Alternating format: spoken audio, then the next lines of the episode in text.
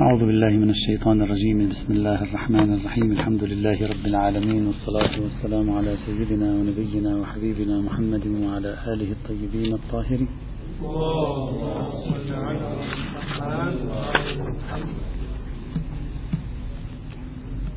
بعد أن انتهينا من الحديث عن شرعية الجهاد الابتدائي وأدلة هذه الشرعية أو الوجوب شرعنا في الحديث عن نظرية عدم شرعية الجهاد الابتدائي ولا مشروعيته في الإسلام.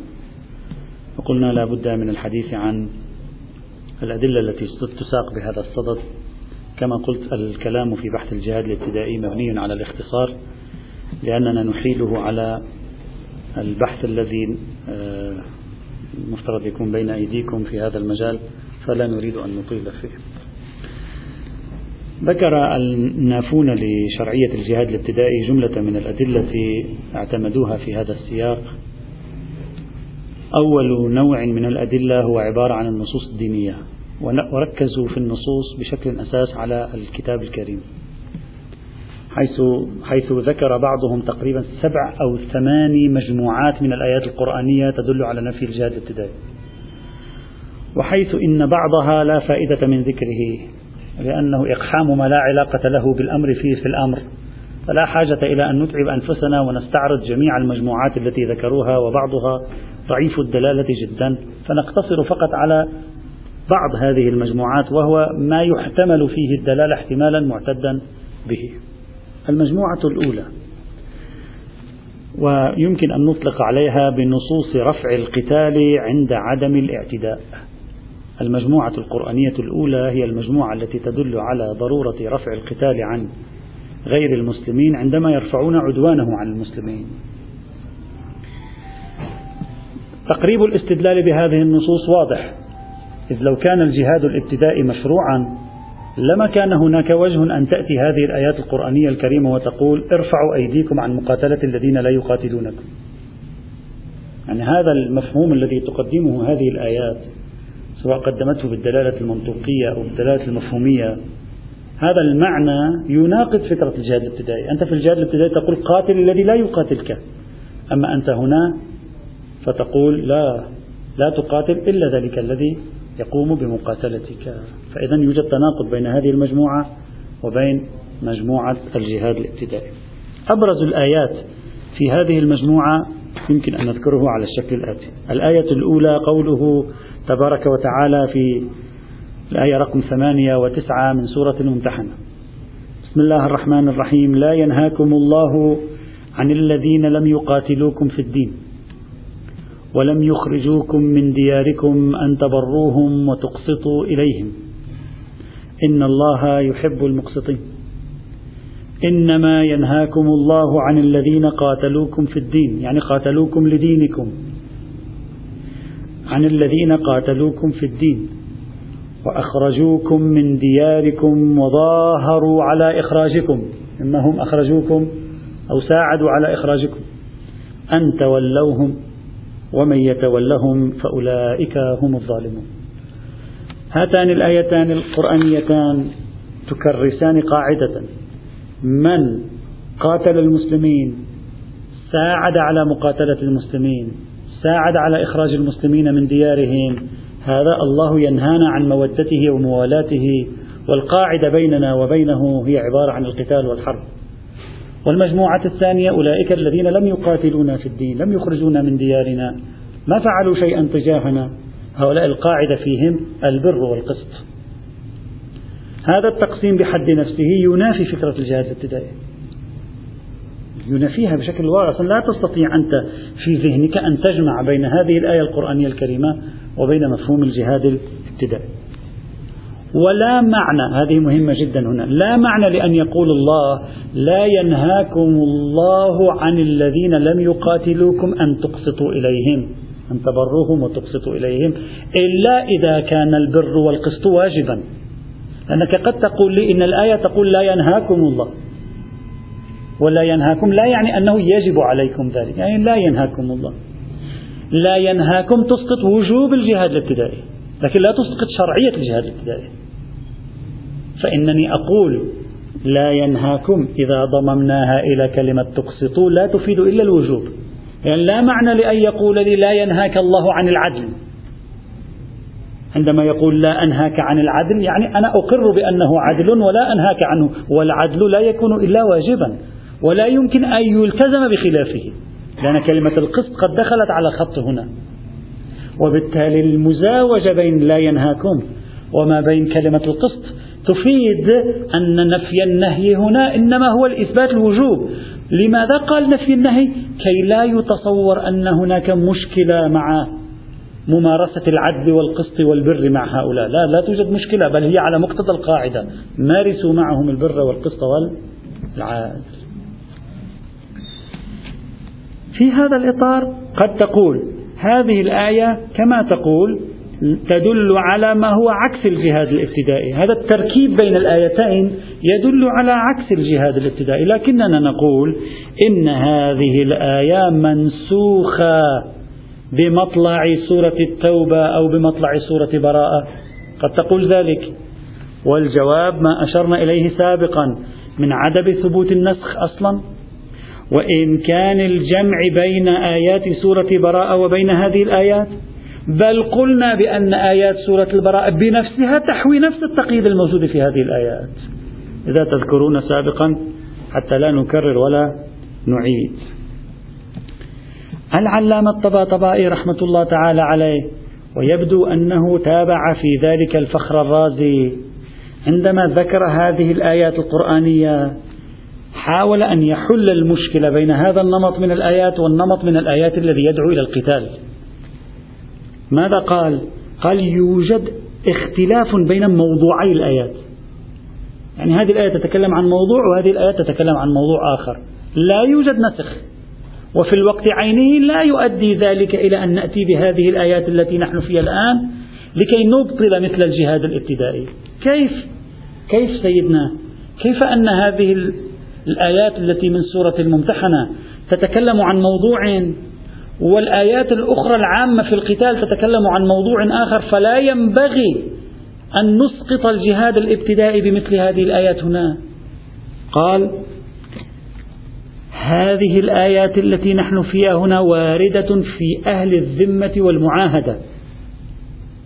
وتلك الآيات التي استدلوا بها على الجهاد الابتدائي واردة في غيرهم يعني في أهل الحرب. وبالتالي الموضوعين مختلفين. يعني لا ينهاكم الله عن الذين لم يقاتلوكم في الدين يعني لا ينهاكم الله عن الذين عاهدوكم. أو صار بينكم وبينهم مسالمة وصلح أو دخلوا في ذمامكم ودخلوا في عقد الذمة. إنما ينهاكم الله عن أولئك الذين هم غير هؤلاء أي أهل الحرب. إذا لم تعد هذه الآيات القرآنية دالة على شيء في موضوع بحثنا. لأن حتى الذي يقول بالجهاد الابتدائي يؤمن بأن المعاهدين وأهل الذمة والذين نتصالح معهم هؤلاء لا يجوز لنا أن نعتدي عليهم.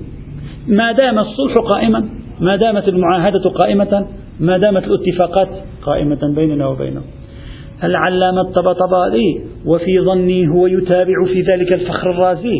لأن الفخر الرازي أول من طرح هذا. بهذا الفصل الذي قاله وفق بين هذه الآيات من سورة الممتحنة وسائر الآيات الدالة على أصل تشريع الجهاد الابتدائي. إلا أن هذا التوفيق غير مفهوم. يعني هذا التوفيق الذي ذكره العلامة الطبطبائي وذكره الفخر الرازي أصلا غير مفهوم. أين يوجد في الآية شيء عن المعاهدة؟ أنا لا أدري من أين جاءت كلمة المعاهدة. لا يوجد لا حديث عن الذمة لا يوجد لا حديث عن المعاهدة لا حديث عن استئمان لا حديث عن صلح ومسالمة. أصلا لا يوجد شيء. الحكم ترتب على عنوان مركب من جزئين. لم يقاتلوكم في الدين ولم يخرجوكم. لم يقاتل ولم يخرج أوسع بكثير من عاهد وتصالح ودخل معكم في عهد ومسالمة. فمن أين خصصنا مفاد الآيات الذي هو عام لكل من لم يقاتل؟ إلى دائرة أضيق هي لخصوص المعاهدين وهذا يحتاج إلى دليل. وهو خلاف ظاهر الآيات القرآنية الكريمة. الواضحة وهي تميز أن المعيار في من قاتل ولم يقاتل لا المعيار في من عاهد ولم يعاهد. فكلام العلامة العلامة الطباطبائي والفخر الرازي لا يبدو لي بذهن القاصر واضحا ولا مفهوما. موضوع الآية عدم القتال لا وقوع المعاهدة. إذا هذه الآية الأولى من المجموعة الأولى واضحة قوية وتمييزها أيضا جلي في هذا السياق. بعد إبطال نظرية النسخ. الآية الثانية. قوله تبارك وتعالى بسم الله الرحمن الرحيم. فإن اعتزلوكم فلم يقاتلوكم وألقوا إليكم السلم فما جعل الله لكم عليهم سبيلا. ليس لكم سبيل عليهم إطلاقا. ثم يقول ستجدون آخرين يريدون أن يأمنوكم ويأمنوا قومهم كلما ردوا إلى الفتنة أركسوا فيها. يعني شاركوا هؤلاء. فإن لم يعتزلوكم ويلقوا إليكم السلام ويكفوا أيديهم فخذوهم واقتلوهم. شوف هذا التعابير التي تشبه تعابير سورة التوبة. فخذوهم واقتلوهم حيث ثقفتموهم. وأولئك جعلنا لكم عليهم سلطانا مبينا. كما جاء في سورة النساء الآية 90 91 أيضا الآيات هنا تقسم للناس إلى قسمين. تقسم لغير المسلم إلى قسمين. قسم اعتزل القتال لم يقاتل وقال أنا أدعو للسلم. وقسم لم يعتزل القتال بل يشارك في القتال. ماذا قالت الآية؟ في الآية الأولى قال إذا اعتزلوكم فلم يقاتلوكم الله لا يجعل لكم عليهم سبيلا. عندما تقول الله لا يجعل لكم عليهم سبيلا يعني تبطل هذه الآية حتى مشروعية الجهاد الابتدائي. لأن مشروعية الجهاد الابتدائي تعطي لنا سبيلا عليهم رغم أنهم لم يقاتلوا واعتزلوا والآية تصرح بأن الذي لا يقاتلك لم يجعل لك الله عليه سبيلا. هذا في الآية الأولى. في الآية الثانية تقول أولئك الذين قاتلوكم اقتلوهم حيث ثقفتموهم ثم تأتي بجملة شرطية وتقول فإن آه. فإن لم يعتزلوكم ويلقوا إليكم السلام ويكفوا أيديهم فخذوهم واقتلوهم حيث ثقفتموهم وأولئك جعلنا لكم عليهم سلطانا مبينا. يعني الذي جعلنا لك عليه سلطانا ذلك الذي يقتلك. أما الذي لا يقتلك ما جعلنا لك عليه سلطانا مبينا. فالتقسيم واضح في الآيات أيضا. ولا ينفي فقط وجوب الجهاد الابتدائي بل ينفي مشروعية الجهاد الابتدائي. إذ لو كان الجهاد الابتدائي مشروعا كما قلت لجعل الله لنا بالجهاد الابتدائي عليهم سلطانا. معنى الآية تقول ليس لك عليهم سلطان أصلا. إذا هذه الآيات أيضا ممتازة. وهذه هذه هاتين الآيتين أو هاتان الآيتان أقوى في الدلالة من الآيتين السابقتين. لأن الآيتين السابقتين ممكن واحد يقول غاية ما تدلان عليه نفي وجوب الجهاد الابتدائي. بينما هنا الآية واضحة بمنطوقها في الآية الأولى وبمفهومها في الآية الثانية واضحة في نفي مشروعية الجهاد الابتدائي. وسلب السلطنة عن أن تقاتلهم وتخضعهم. وهم لا يقاتلون. إذا دلالة الآية بل هذه الآيات أوضح من دلالة آيات سورة براءة. وأما دعوى النسخ فقد تكلمنا عنها سابقا فلا نطيل. الآية الثالثة قوله تبارك وتعالى وإن جنحوا للسلم فاجنح لها وتوكل على الله إنه هو السميع العليم. وإن يريدوا أن يخدعوك فإن حسبك الله هو الذي أيدك بنصره وبالمؤمنين. كما جاء في سورة الأنفال الآية 61 62 أيضا واضح. إذا أقدموا يميلون نحو الصلح والمسالمة أهلا وسهلا ما عندنا مشكلة. اجنح للصلح والمسالمة. يعني بمجرد ما العدو يقول لك أنا أريد أن أصالح الحكم ما هو؟ إذا جنحوا للسلم فاجنح لها.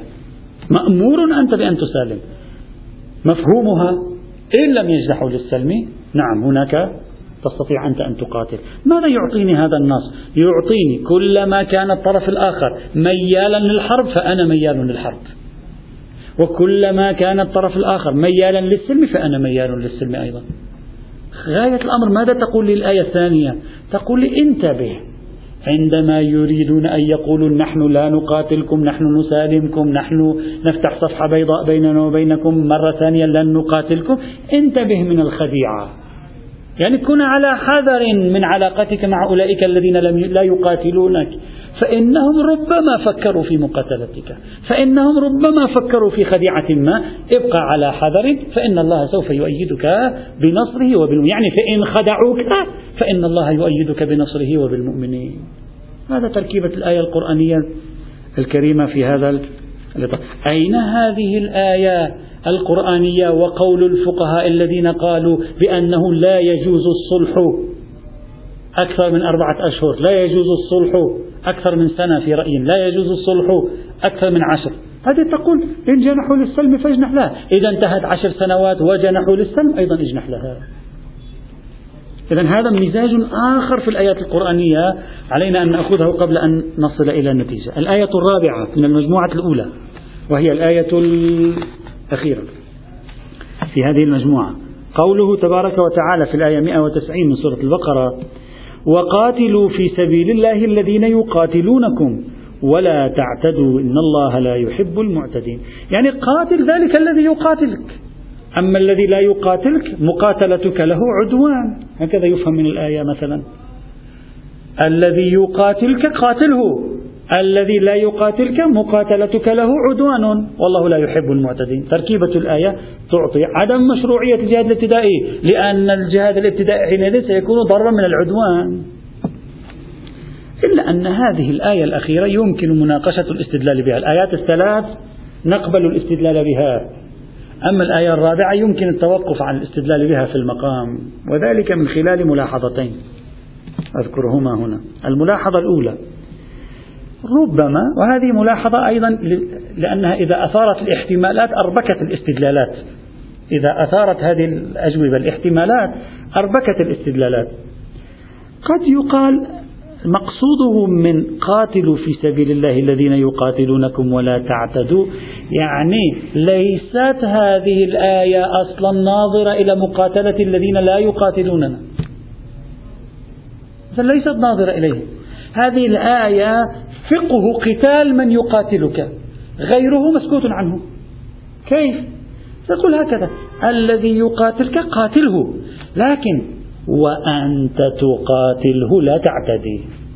ما معنى لا تعتدي؟ يعني قاتله بشرف شرف الحرب أخلاقيات الحرب.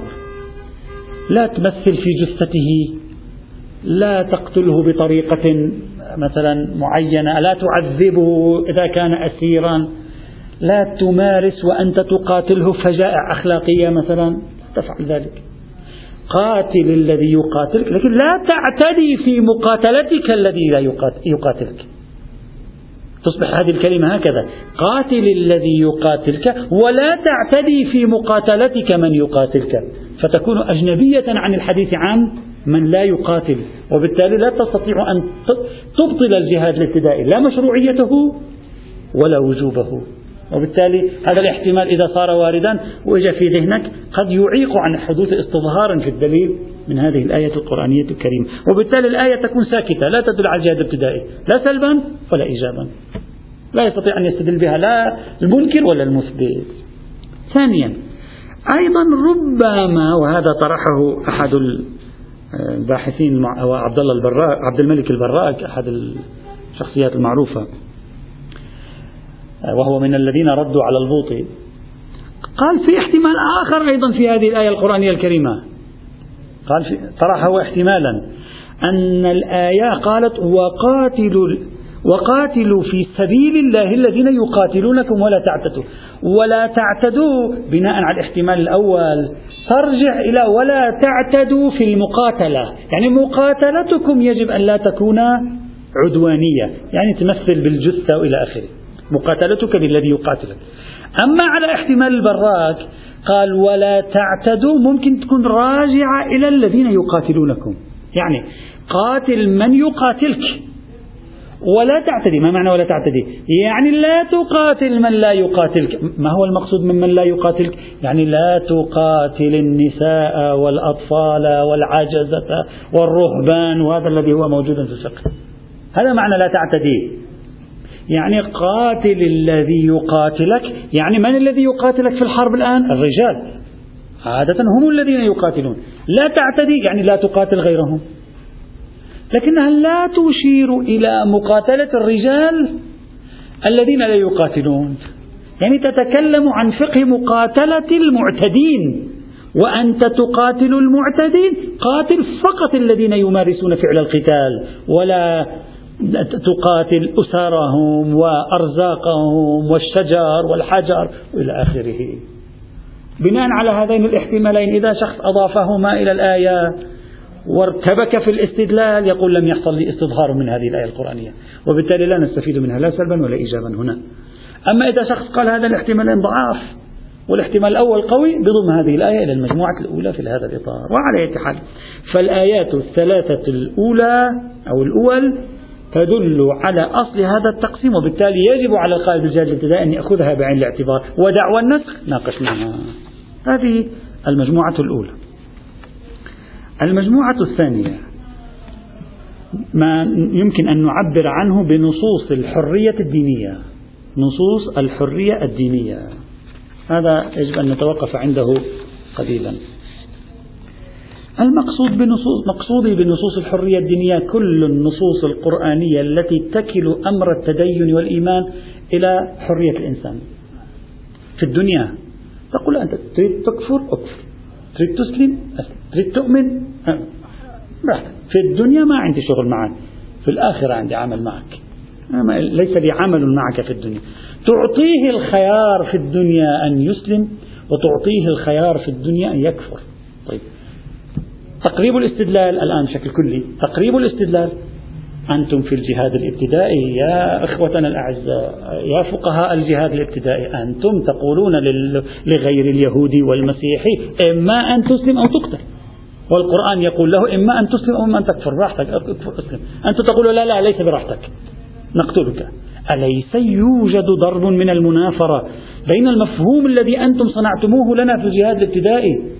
وبين هذا النسق من الآيات القرآنية الذي يعطي الإنسان حرية الاختيار؟ هذا هو السؤال العام في هذا.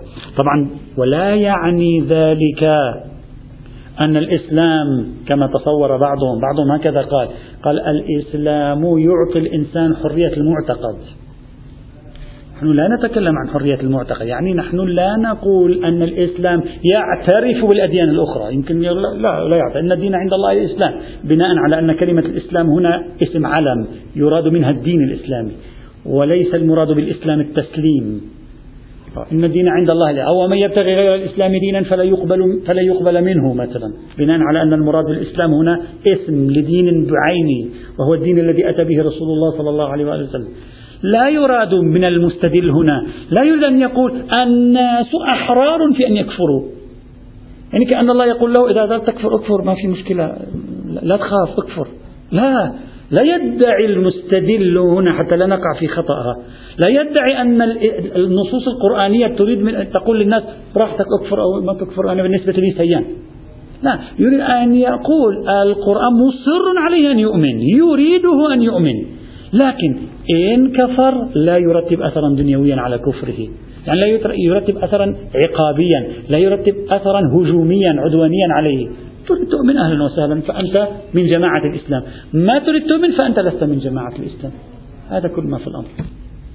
هذا هو المقصود في هذا الإطار. فينبغي أن لا نخلط هنا بين حرية المعتقد بوصف أمرا باطنيا وبين حرية المعتقد بوصف أمرا إظهاريا سلوكيا يعني يعبر عن دينه. هو دنيويا يعبر عن دينه براحته لكن الإسلام لا يريد أن يفعل ذلك. لكن إذا فعل لا حول ولا قوة إلا بالله. على طريقة خطين لا لا يلتقيان. فإذا التقيا فلا حول ولا قوة إلا بالله. طيب ما هي هذه الآيات التي استدل بها هنا؟ أيضا عندنا جملة من الآيات المهمة الآية الأولى قوله تبارك وتعالى بسم الله الرحمن الرحيم. وقل الحق من ربكم فمن شاء فليؤمن ومن شاء فليكفر. إنا أعتدنا للظالمين نارا إلى آخر الآية. لاحظ القرآن قال تريد تؤمن آمن. تريد تكفر كف أكفر. طيب إذا كفرنا شو بصير أعتدنا للظالمين نارا. ما قال من شاء فليؤمن ومن شاء فليكفر. إنا أعتدنا للكافرين حربا سنقتلهم فيها إن لم يسلموا. ما أشار إلى الدنيا وإنما مباشرة بعد هذه الثنائية الاختيارية مباشرة انتقل بنا إلى الآخرة. وهذا يعني أن المعيار في الدنيا هو المشيئة. أنت أنت تتحمل مسؤولية أفعالك التي سوف تكون يوم القيامة. طبعا مع تركيز الآية على أن الحق هو الإسلام. وقول الحق من ربكم. لا تريد أن تقول أنا ليس عندي حق والحق هو ما تقولونه أنتم. أنت تقول الإسلام وأنت تقول للكفر وكلكم حق. لا لا تقول ذلك. يقول الحق من ربكم. نعم. إذا آمنت بالحق أهلا وسهلا. ما آمنت به خرجت عن دائرة الحق. نتيجة أخروية وفي الدنيا لا يوجد شيء على الإطلاق. تركيبة الآية مفهوم نقيض مفهوم الجهاد الابتدائي. إلا أن الاستدلال بهذه الآية القرآنية الكريمة قد يتعرض لبعض المناقشات. أول مناقشة ربما يقول شخص هذه الآية القرآنية لا تشكل دليلا يواجه أدلة الجهاد أو يواجه أدلة العقوبات لأن الآية لها علاقة أيضا بالارتدادها هذه الآيات بعضها له علاقة بحد الردة أيضا. لأن استدل به الذين ينكرون حد الردة استدلوا أيضا بهذه الآيات. قد يقول شخص هذه الآيات بعيد أن تكون ناظرة. هذه الآية عفوا آية الآية. بعيد أن تكون ناظرة إلى موضوع العقوبات والجهاد وما شابه ذلك. لماذا؟ لأنها مكية. ومن البعيد أنها ناظرة إلى الجانب العقابي وجانب ترتيب الآثار الدنيوية. ولذلك نظرها أخروي فقط. وليس لها نظر دنيوي أبدا. هذا ممكن. وبالتالي يترجح هنا إذا جاء دليل في الآيات يدل على الابتدائية يترجح أن يكون هذا الحكم منسوخا أو مقيدا. يصبح منطقي أكثر خاصة الآيات هذه. بعض الآيات التي قرأناها قبل قليل في المجموعة الأولى قطعا مدنية. يعني لذلك هذا الموضوع المدني مكي يهمنا هنا. لكن على أي حال هذه الآية يمكن رغم هذا الإشكال تنفع في تأسيس القاعدة. يعني في النهاية توكل أمر الإيمان إلى الإنسان. أنت صرت بحاجة إلى دليل يقف في عكس هذه الآية القرآنية الكريمة. هذا إشكال أول. الإشكال الثاني. الآية تجعل الحرية في الإيمان والكفر. تقول أنت حر آمن أو اكفر راحتك. والإيمان والكفر أمر قلبي. وقد قلنا سابقا الجهاد لا يهدف منه فرض شيء على القلوب. يعني هي الآية ماذا تقول؟ تقول آمن أو اكفر. فمن شاء فليؤمن ومن شاء فليكفر. ما قال من شاء فليسلم. قال فمن شاء فليؤمن ومن شاء فليكفر. طيب الإيمان والكفر أمور قلبية. هذا واحد. مقدمة ثانية. الجهاد الابتدائي لا علاقة له بالأمور القلبية. فتشريع الجهاد الابتدائي لا يعارض هذه الآية. لأنك حتى لو شرعت الجهاد الابتدائي لا تكون قد قلت للشخص لا يجب عليك أن تؤمن بالقوة. لأنه لا يمكن أن يؤمن بالقوة. يسلم بالقوة. لكنه لا يؤمن بالقوة. فموضوع الآية القرآنية هنا أمر قلبي. موضوع الجهاد الابتدائي أمر بدني. يعني إلزامك بالنطق إلزامك بالسلوك الديني حتى مع غير أهل الكتاب. فلا يوجد تنافي. نعم ما زلنا نحن القائلون بالجهاد الابتدائي نقول من شاء فليؤمن ومن شاء فليكفر. أنت لك أن تؤمن ولك أن تكفر. لماذا؟ لأن هذا أمر قلبي. والأمر القلبي لا نتدخل فيه. نحن في الجهاد نحن نتدخل في إظهارك الجسدي للإسلام فقط لا أكثر ولا أقل. فلا يوجد تناف على الإطلاق.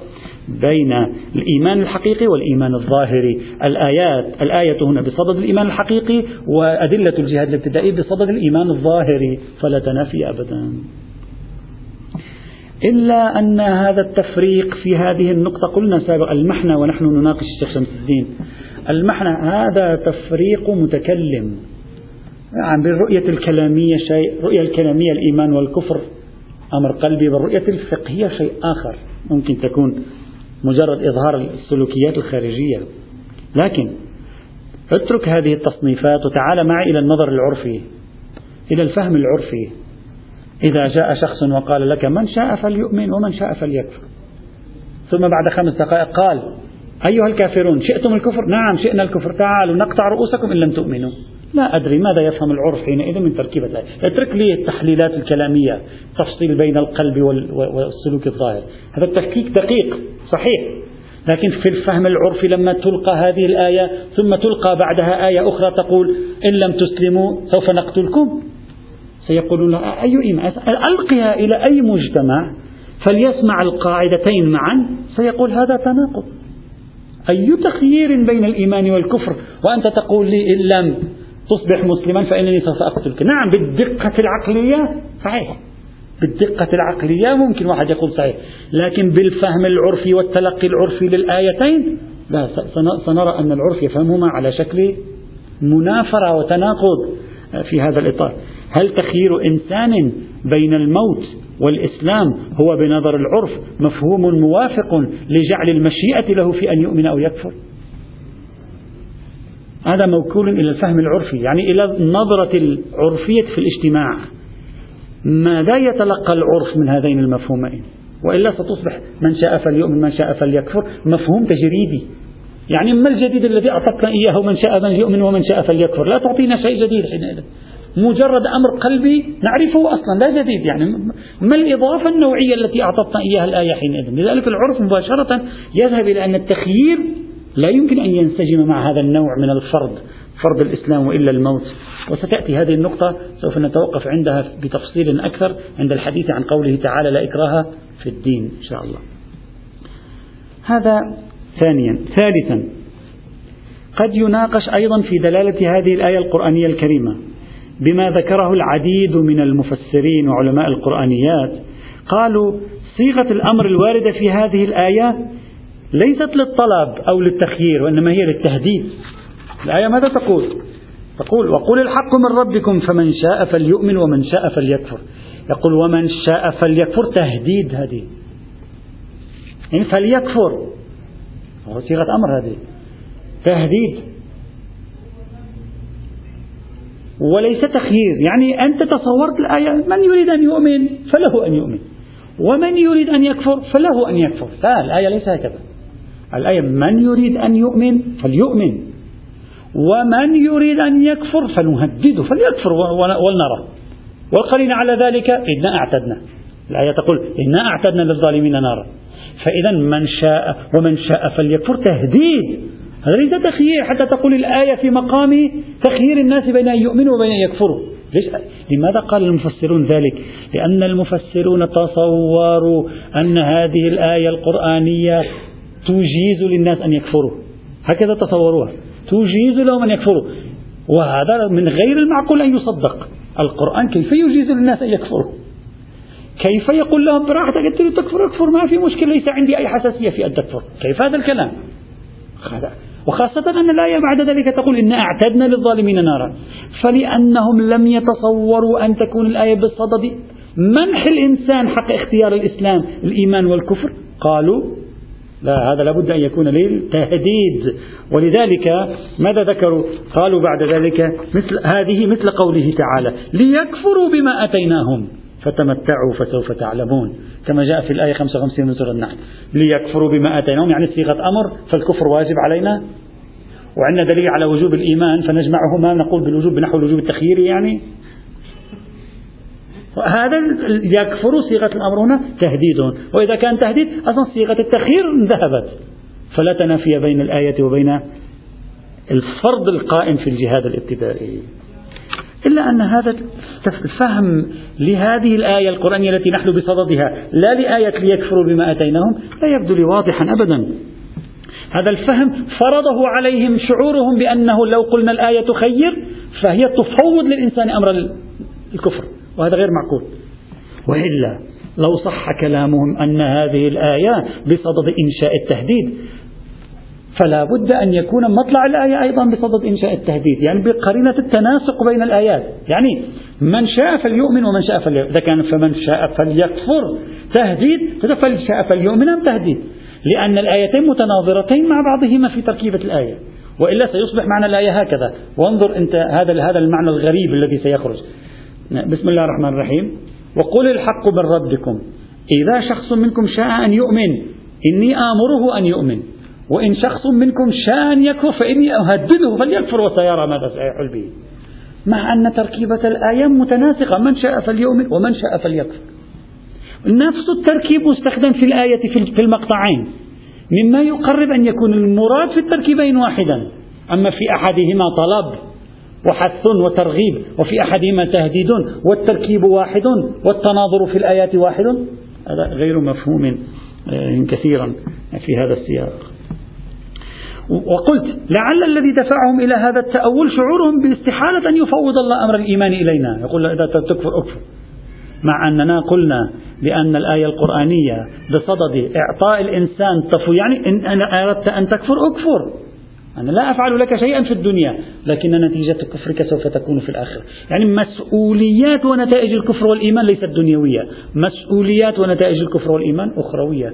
هذا كل ما تريده الآية أن تقول. يعني إذا أردتم الإيمان فلكم أن تؤمنوا وإن أردتم الكفر فلكم أن تكفروا. وليس في مقابل كفركم وإيمانكم شيء في الدنيا وإنما هو في الآخرة. جنة لمن آمن وعذاب لمن كفر. لا أكثر ولا أقل. هذا ثالثا. رابعا أيضا مناقشة رابعة ذكرها العلامة الطباطبائي رحمة الله تعالى عليه آه، في مقاربة هذه الآية القرآنية الكريمة. قال فمن شاء فليؤمن خارج عن مقول القول. يعني الآية هكذا قل لهم إن الحق من ربكم. نقطة. انتهى مقول القول. قل لهم إن الحق من ربكم. انتهى مقول القول. طيب.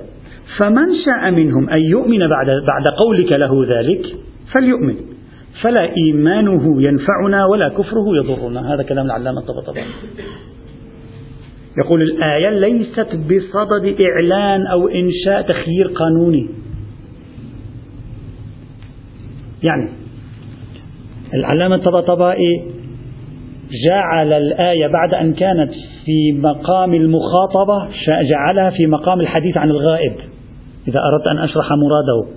يعني على التفسير الأصلي للآية الآية هكذا تقول. تقول وقل الحق من ربكم. ما زال الخطاب موجه إلى الناس. فمن شاء أن يؤمن فليؤمن ومن شاء أن يكفر فليكفر. ما زال الخطاب موجه إلى الناس. يعني الله ما زال يقول لهم إذا شئت الكفر فاكفر. أما على طريقة العلامة الطبطبائي غير الخطاب. غيره إلى الغائب. يعني وقل لهم الحق من ربكم فقط. الآن الحديث انتهى مع الناس. الآن الحديث بين, بين الله وبين النبي. أنت يا محمد صلى الله عليه وعلى آله وسلم قل لهم الحق من ربكم. واعلم يا محمد إذا شاء أحد منهم أن يؤمن فإنه ينفع نفسه.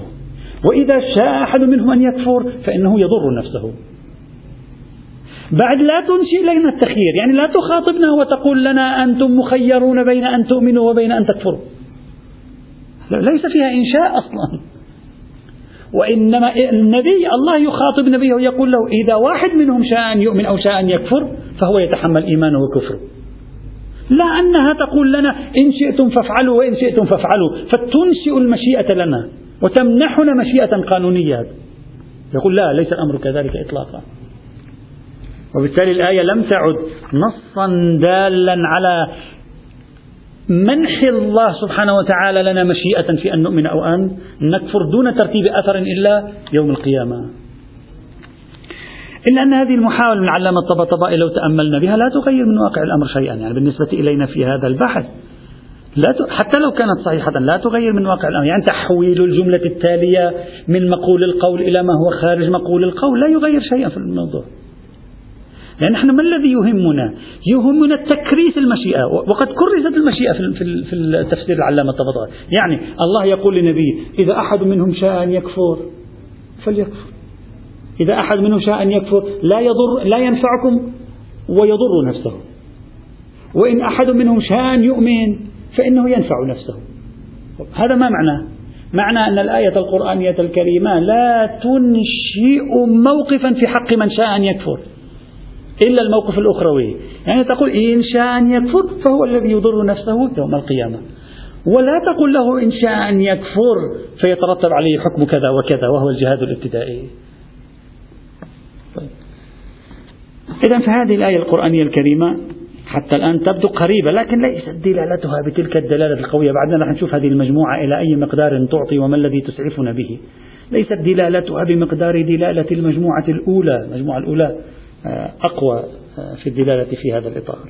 الآية الثانية سورة الزمر الآية 41 إنا أنزلنا عليك الكتاب للناس بالحق فمن اهتدى فلنفسه ومن ضل فإنما يضل عليها. وما أنت عليهم بوكيل. اترك كلمة بوكيل هذه. وما أنت عليهم بوكيل اتركها الآن لأن هذه طائفة لوحدها. ستأتي معنا لاحقا. لكن أنت وهذه الآية من اهتدى هو يستفيد. من ضل هو الخاسر. ما يقول من اهتدى فأهلا وسهلا ومن ضل فبيننا وبينه السيف مثلا لا أكثر ولا أقل. إلا أن هذه الآية ليست بتلك المثابة من الدلالة وغايتها ساكتة عن الموقف من الجهاد الابتدائي.